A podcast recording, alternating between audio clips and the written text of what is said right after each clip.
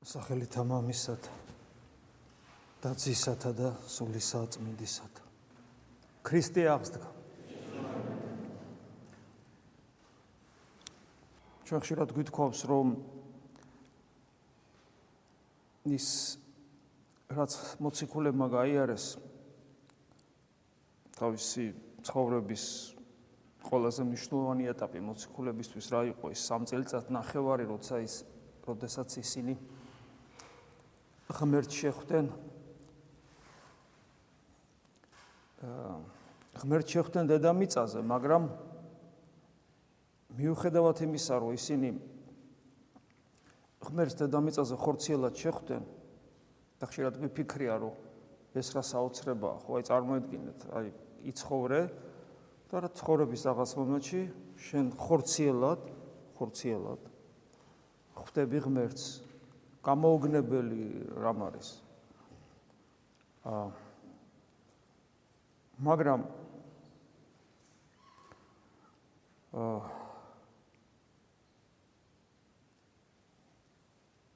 როგორ შეხვდნენ? რა რა მოხდა მაშინ? იმიტომ რომ ხორციელად შეხვდნენ ერთის ხრივ, მაგრამ რამდენი ადამიანი ცხოვრობდა მაშინ? რატო ყველა ვერ შეხვდა?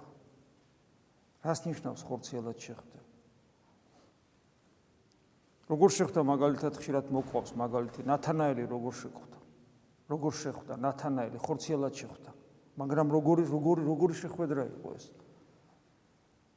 და ჩვენ ხედავთ რომ ეს ხორციელი შეხვედრა სინამდვილეში ზუსტად იგივე შეხვედრაა როგორი შეხვედრაც ჰქონდა პავლე მოციქულს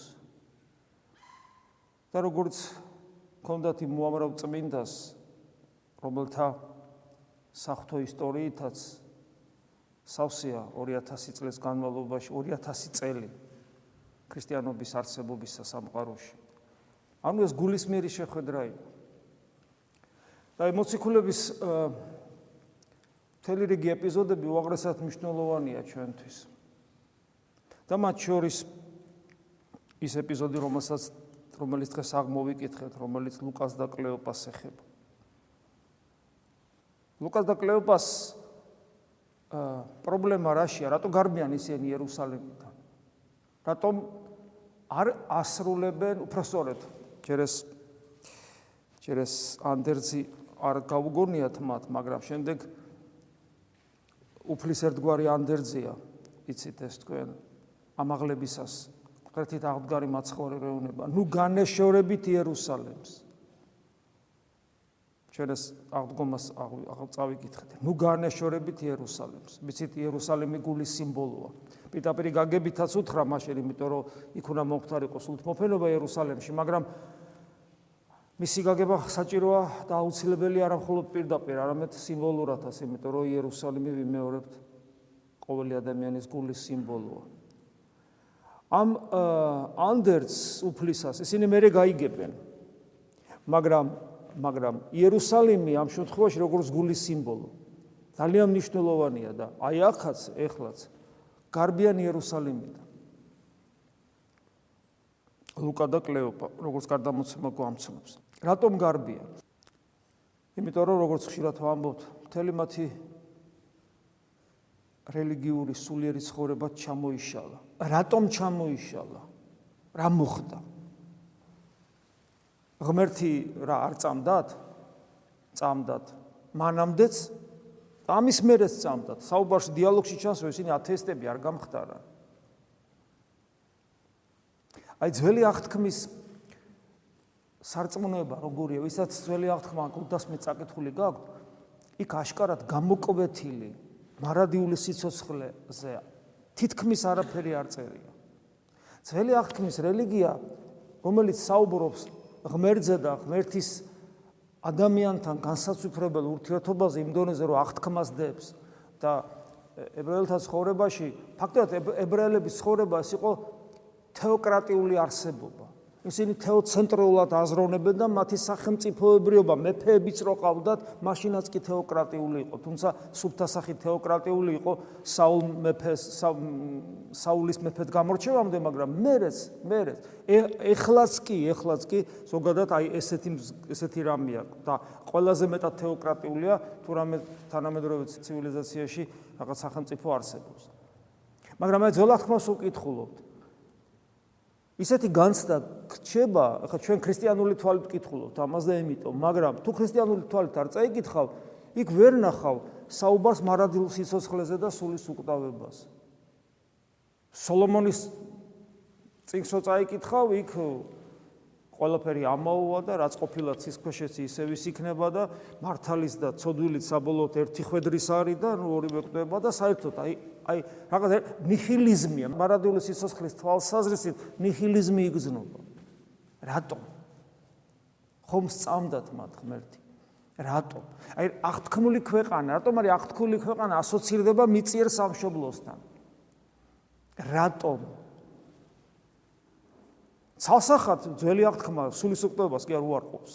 პირიქით იქ არის ნიუანსები რადგან სადაც აშკარად ჩანს რომ მე მე უფალი გამარტავს ამას ვერ ხვდებიან ისინი გახსოვთ მე რომ დაობენ სადუკევლები რო ამბობენ, არა, მარადიული სიცოცხლე არ არის. ღმერთი არის, მაგრამ მარადიული სიცოცხლე არ არის. ღმერთი ერთგულება, ღმერთის ერთგულება ეხლა უნდა, ეხლა მის წესების შესრულება, ეხლა უნდა გვიყვარდეს. თვითონ ესეც განსაცვიფრებელია, რომ მრავალ ზოგში ხშირად, ხშირად უკვდავების, სულის უკვდავების, პიროვნული უკვდავების არ სწამდათ, ამაზე არ ფიქრობდნენ, მაგრამ მაინც ერთგულებდნენ ღმერთს, მამაპაპის ღმერთს, კბილებით იცავდნენ ჯულს. ეს ცალკე უანგარო ერთგულების განსაცვიფრებელი მაგალითები. როგორც ერთხელ პაისი ათონელი ამბობს, რომ ათეისტი რო კვდება სამშობლოს დასაცავად ომში, შეიძლება უფრო დიდიც კი იყოს ღვთის წინაშე, იმიტომ რომ მას მარადიული სიცოცხლის არჯერა, ერთადერთი რაც აქვს ეს არის ხორციელი სიცოცხლე და მოყვასის სიყვარულისათვის, ამას ამასაც სასიკვდილოდ წირავს. საოცარი რამ არის, ხო?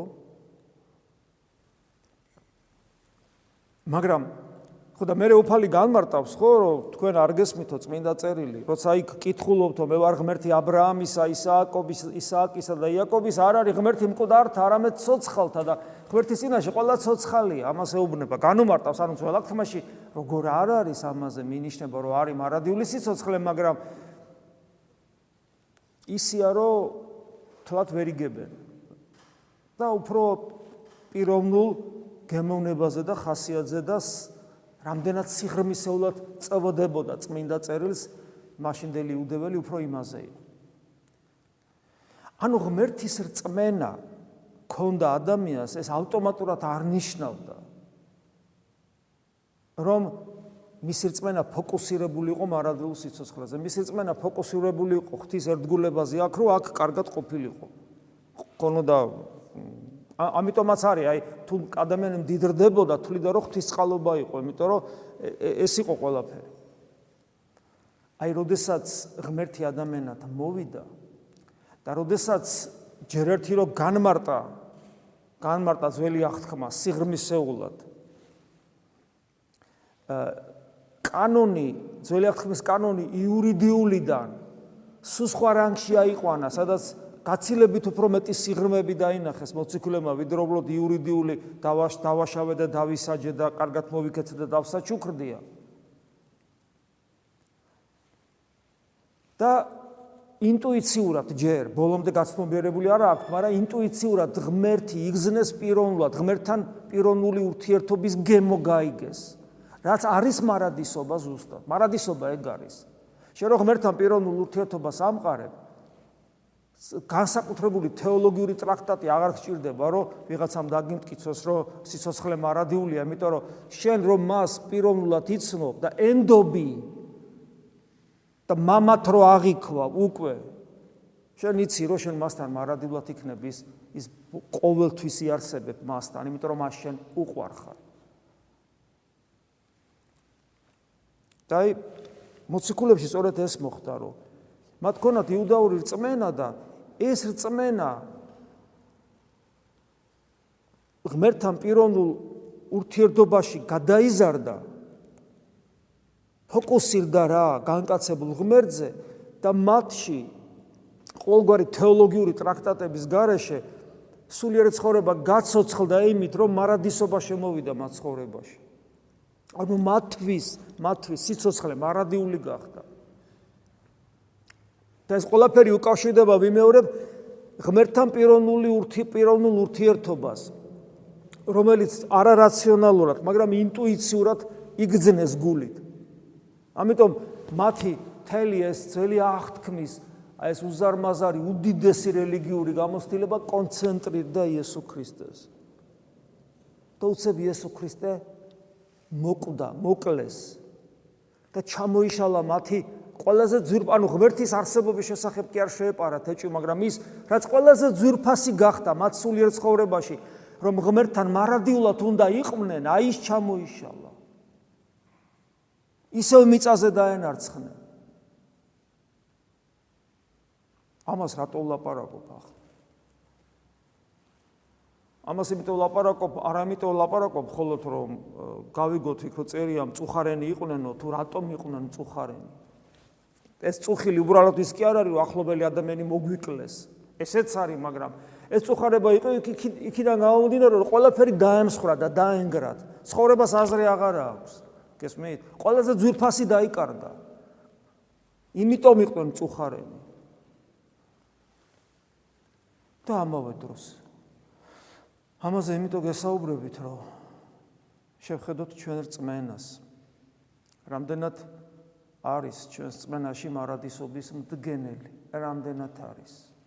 რამდენად განვიცდით ჩვენ თავში, ჩვენს რწმენაში, ჩვენ სულიერ ცხოვრებაში მარადისობას? ჩვენ ხედავთ აღდგომის დღეებში ვარ და ხედავთ რომ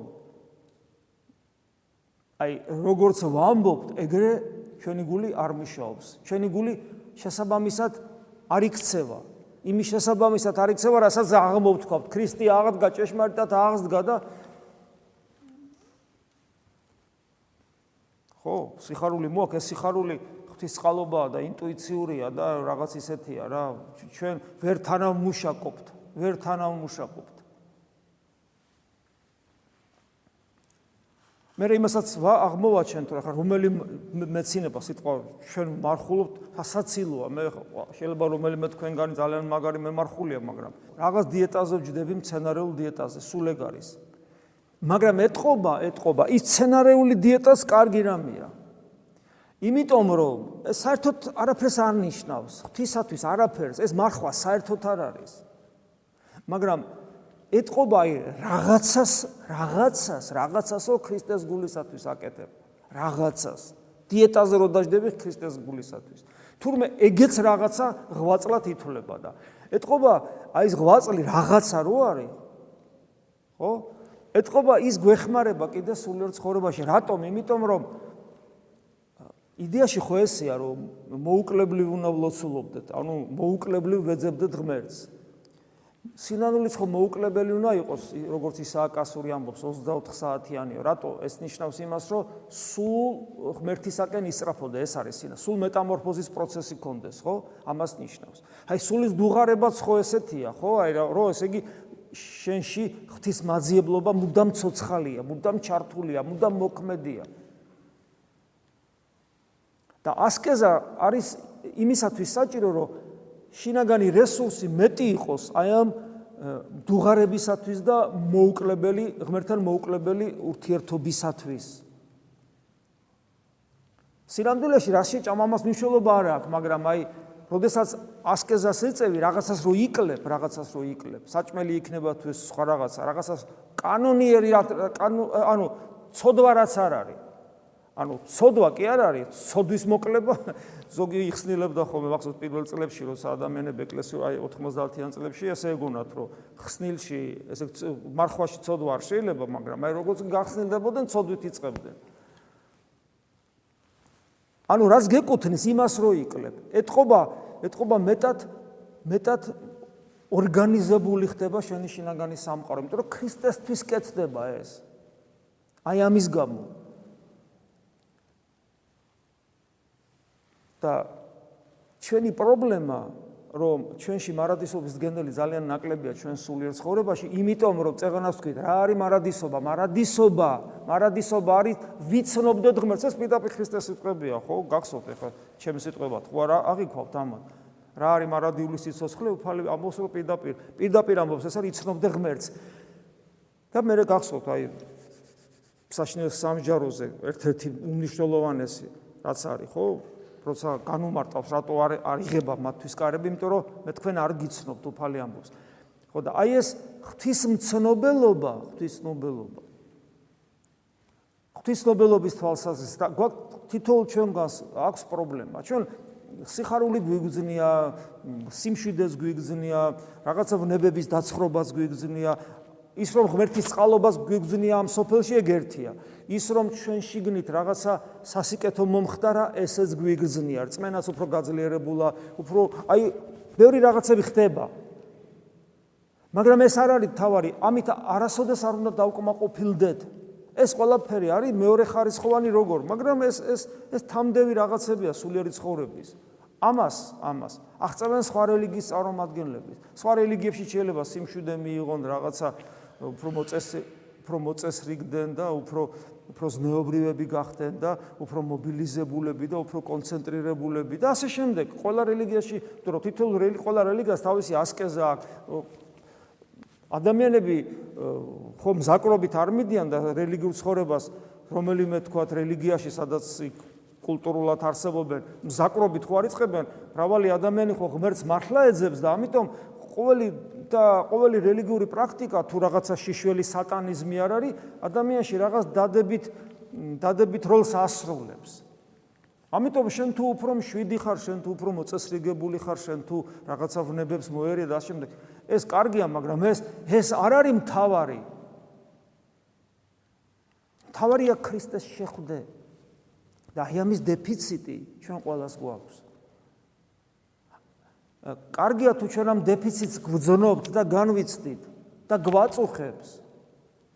იმიტომ რომ ქრისტე აღდგა ნიშნავს რომ მას იცნობ, შენს გულში აღდგას, კონკრეტით აღდგას.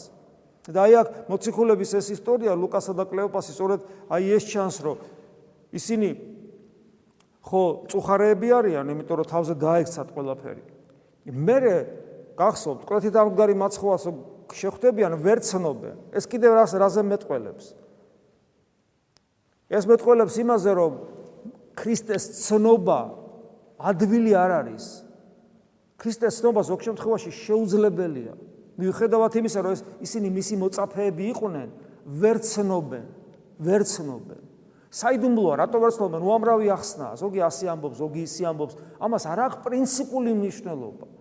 თავარი ის არის, რომ ღმერთი შეიძლება შენთან იყოს და ვერ ცნობდე.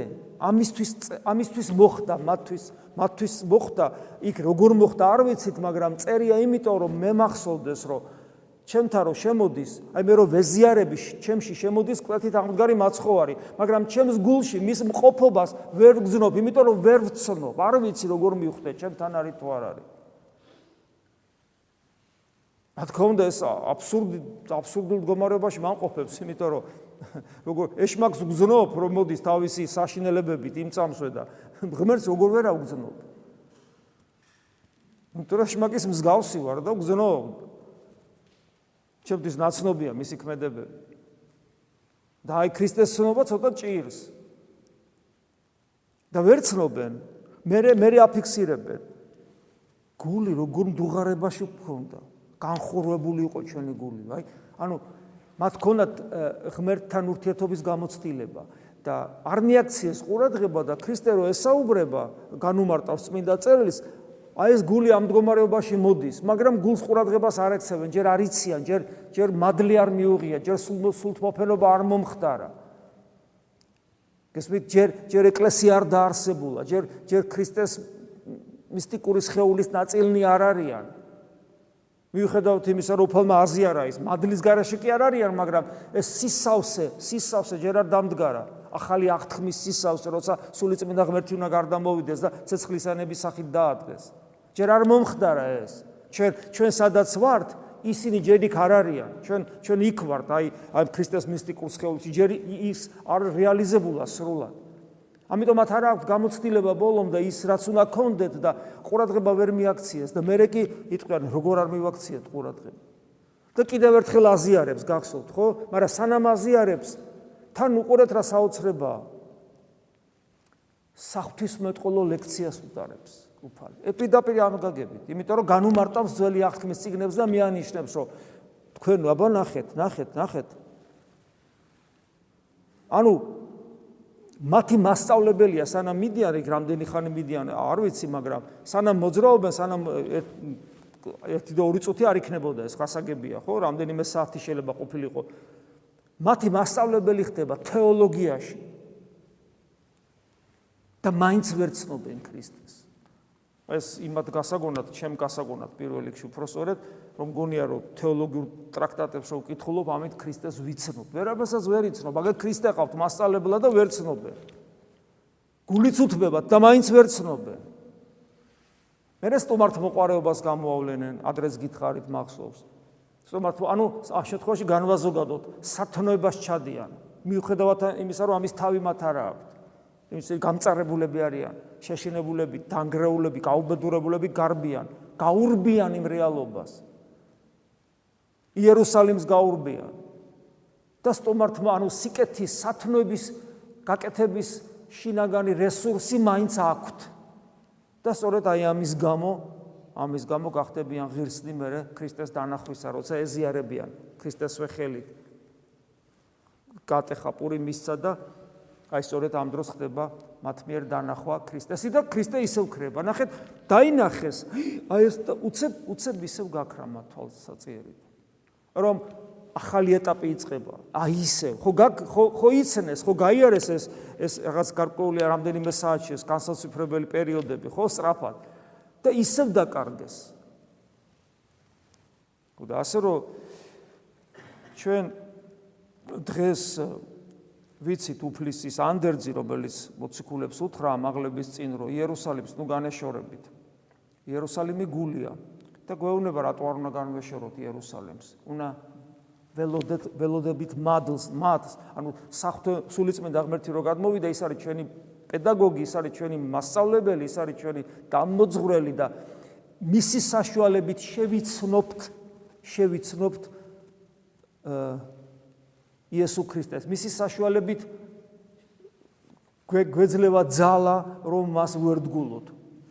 ერთგულების შესაბამისად უფრო მეტად და მეტად იწმინდება ჩვენი გული და ასე შემდეგ. ანუ სული წმინდა ღმერთთან თანამშრომლობა განაპირობებს ჩვენს ჩვენი ჩვენს ჩვენს ქრისტიანად ჩამოყალიბებას ჩვენს ჩვენი წმენის რეალიზებას. ხო ეს ყველაფერი ხდება გულში. და ნუ განეშორებით გულში როგორ უნდა გავიგო მე? აი როგორც პავლე მოციქული ამბობს, მოუკლებლივი ლოცვები. იდეაში არასოდეს არ უნდა განვეშოროთ, მაგრამ ეს იდეალური შემთხვევაა, მაგრამ ამის აქეთკენ უნდა მივისწრაფოდეთ, აქეთკენ რომ მივისწრაფოდეთ, ამისათვის გონების მიერი ლოცვითი პრაქტიკაა აუცილებელი.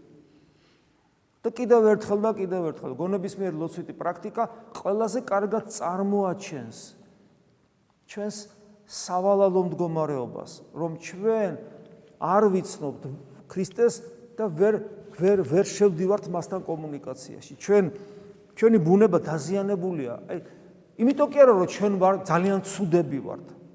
ანუ რატო ვერ ვერ მაქვს კავშირი ღმერთთან?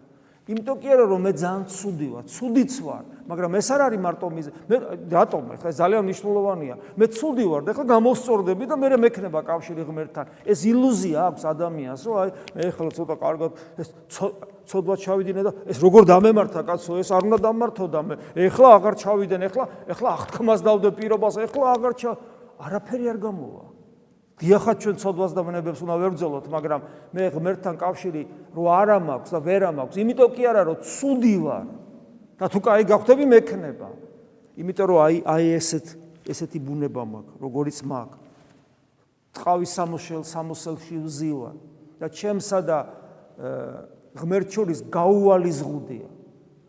ჩემთვის ჩემთვის ღმერთი არ არსებობს პრინციპში, აი როგორ დღესაც უწავიკითხეთ, ხო, რომელიც არის შეუცნობელი, უხილავი, მიუწვდომელი, გამოუთქმელი, ანუ ეს ესე იგი უარყოფითი ღვთისმეტყველებითი საღვთისმეტყველო ტერმინებია. თუ შეუცნობელია, აი დღეს წავიკითხეთ, ხო, ევქარისტიის ლოცვაში, მადლიერების ლოცვაში.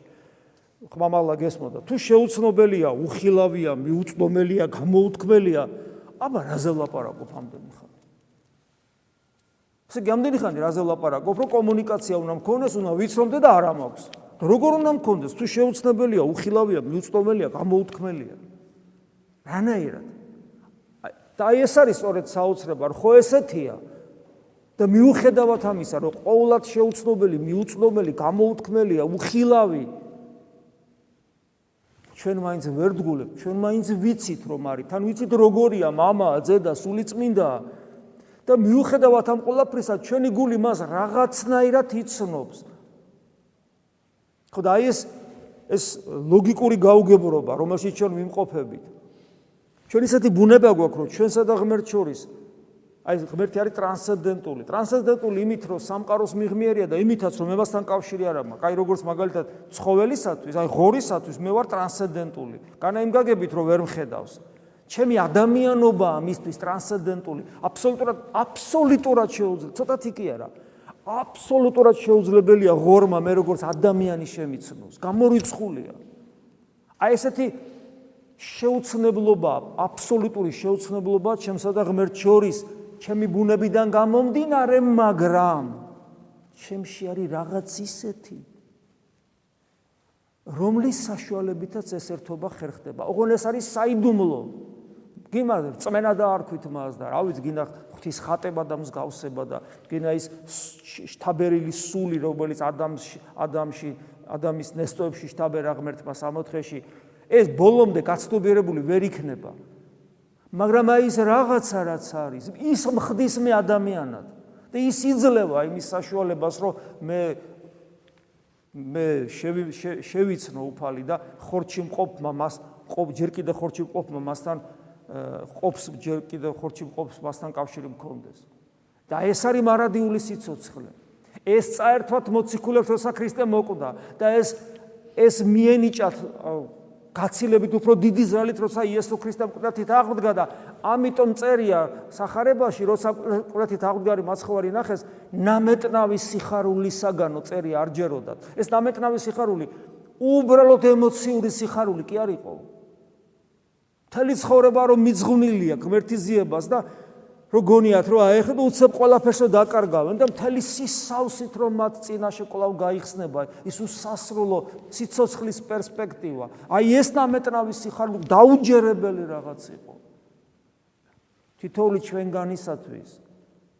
იცით როგორი დაუჯერებელი იქნება? ჩვენ რომ ღმერთი გამოგვეცხადოს თავისი სიდიად თუნდაც აი გრიგო ხანსეს რო ეცხადებოდა აი ამ დონეზე ეს იქნება დაუნჯერებელი სიხარული იქნება.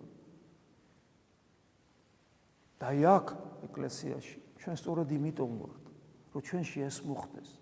აბა რატომ არის რომ ზიარებით ეხლა ზიარების მერე წავიკითხავ პასეკის ჟამლის პასეკის ჟამლის ერთ-ერთი ლოცვა და პასეკის ჟამლის ერთ-ერთი ლოცვა ყოველ წირვაზე იკითხება და ამიტომ ამბობთ ყოველი წირვა აღდგომის დღესასწაულია აღდგომა ქრისტესი ვიხილეთ. ჩვენთვის ეს სიტყვები ცარიელი სიტყვებია. იმიტომ რომ ვერაფერსაც ვერ ვხედავთ. მაგრამ მიუხედავად ამისა, საოცრება ის არის, რომ არ გუბეზდება, არ გუბეზდება ზიარება. მოვდივართ, მოვდივართ, მოვდივართ. ესე იგი მთლად ცარიელი სიტყვები არ არის. ესე იგი რაღაცა მაინც ხდება. ესე იგი მთლად ცხოველები არა ვართ. ასე რომ რაღაცა ჩვენში რაც არის, ეს იძლევა იმედს, რომ ერთხელაც, ერთხელაც სიტყვები ქრისტე აღდგა და აღდგომა ქრისტესი ვიხილე, ჩემთვის რეალობად იქცევა, თქვენთვის რეალობად იქცევა.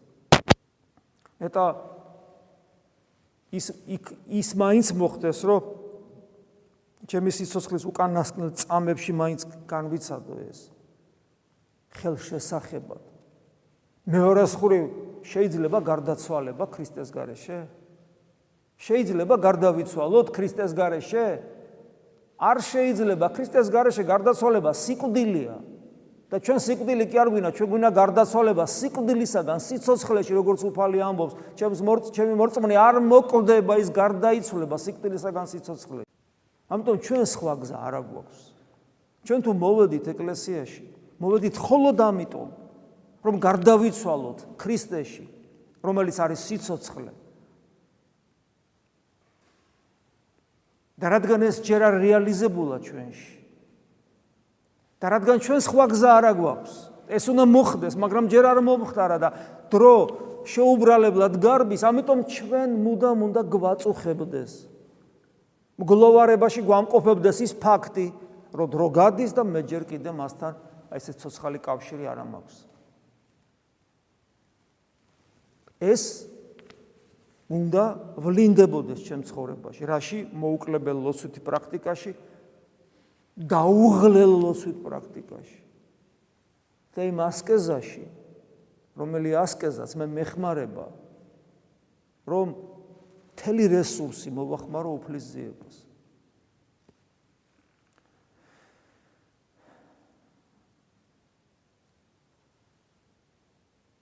ერთი იმედის მომცემი სიტყვაა, რა თქმა უნდა, რომელსაც ახლა ვიტყვი და ამით დავასრულებ.